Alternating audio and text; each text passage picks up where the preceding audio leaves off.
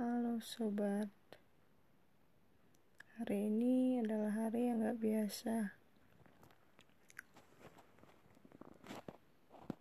Aku yang biasanya masak nasi, hari ini enggak. Aku makan apa yang ada di kulkas. Aku olah apa yang ada dan gak susah. Hari ini aku gak masak nasi. Hari ini aku cuma makan sebelak aja. Dan sore aku dikasih makanan dari tetangga ayam kacang merah. Sekarang aku lagi lemes banget, nggak tahu kenapa badan aku panas. Eh, paha aku jadi nggak rata, ada yang kecil ada yang gede itu nggak tahu kenapa. Apa mungkin itu karena nggak makan nasi?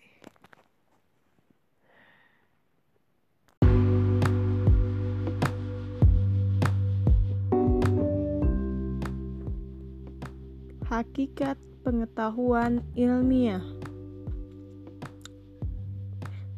Baiklah teman cerita hari ini saya akan membacakan kajian tentang paradigma dan landasan pengetahuan ilmiah oleh Aan Radiana. Satu pendahuluan. Dari pengamatan sepintas penulis melihat bahwa ontopologi dan ontopologi epiterminologi dan aksiologi sering dipersepsi sebagai bagian dari filsafat ilmu Padahal ketiganya merupakan cabang filsafat yang masing-masing terdiri dari persepsi ini. Tanpa berawal dari ambu ambiguitas penjelasan Jujun S. Surya Sumantri mengenai hubungan ketiga cabang filsafat ini dengan ketiga masalah pokok ilmu pengetahuan. Satu, eh, hakikat apa yang dikajinya? Dua, bagaimana mendapatkannya? Tiga, apa kegunaannya? Di satu sisi mengatakan bahwa falsafah yang tidak yang tiga cabang itu mempelajari ketiga masalah ilmu di sedalam-dalamnya. Kemudian hasil pengkajiannya menjadi dasar bagi eksistensi ilmu.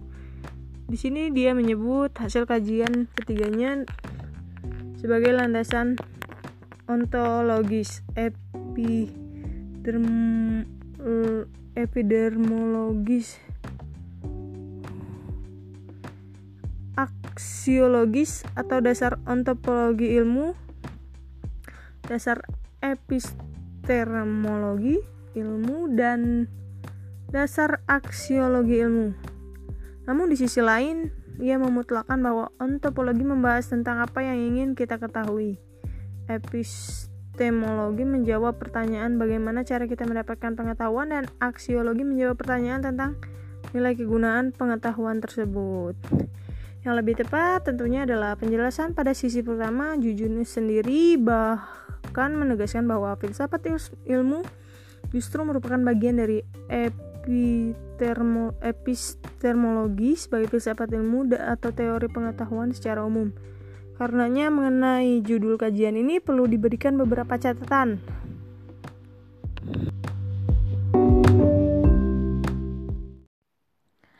Ada tiga landasan, satu landasan ontologis, dua landasan epistemologis, dan landasan aksiologis.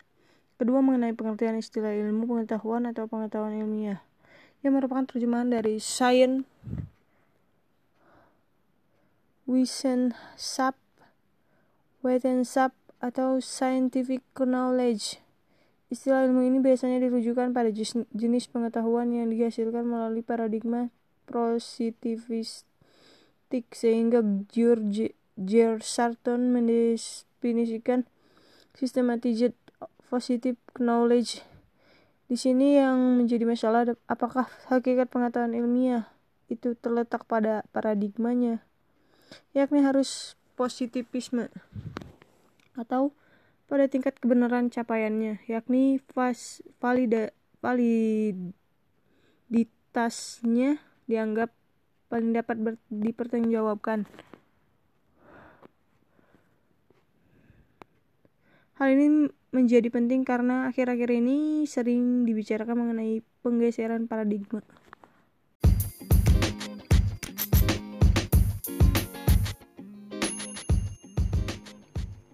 Assalamualaikum warahmatullahi wabarakatuh.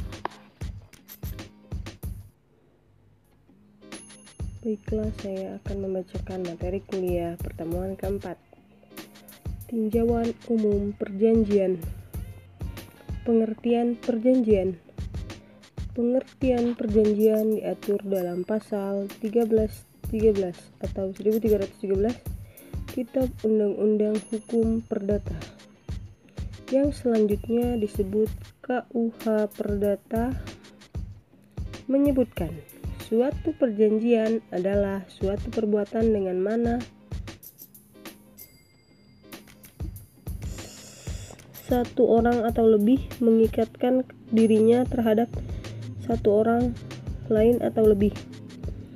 Menurut doktrin atau teori lama, yang disebut perjanjian adalah hukum berdasar kata sepakat untuk menimbulkan akibat hukum dan definisi di atas telah tampak adanya asas konsensualisme dan tumbuhnya akibat hukum tumbuh atau lenyapnya hak dan kewajiban. Menurut teori baru yang dikemukakan oleh Van Dun yang diartikan dengan perjanjian adalah suatu hubungan hukum antara dua belah pihak atau lebih berdasarkan kata sepakat untuk menimbulkan akibat hukum. Teori baru tersebut tidak hanya melihat perjanjian semata-mata, tetapi juga harus dilihat perbuatan perbuatan sebelumnya atau yang mendahulunya. Beberapa sarjana hukum juga memberikan definisi mengenai perjanjian antara lain sebagai berikut.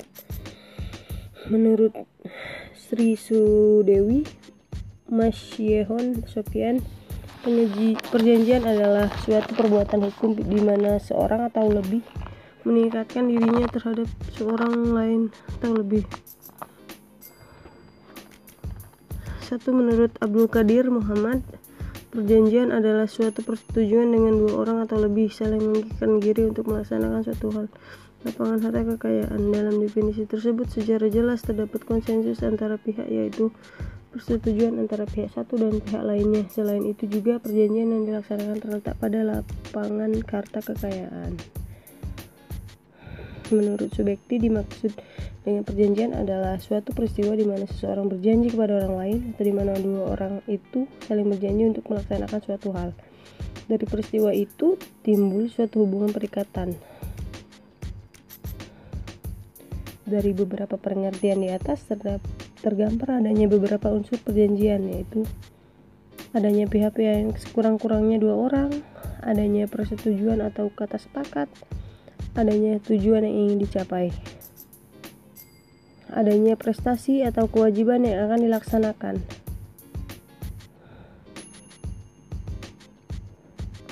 Asas-asas perjanjian Dalam hukum dikenal tiga asas perjanjian.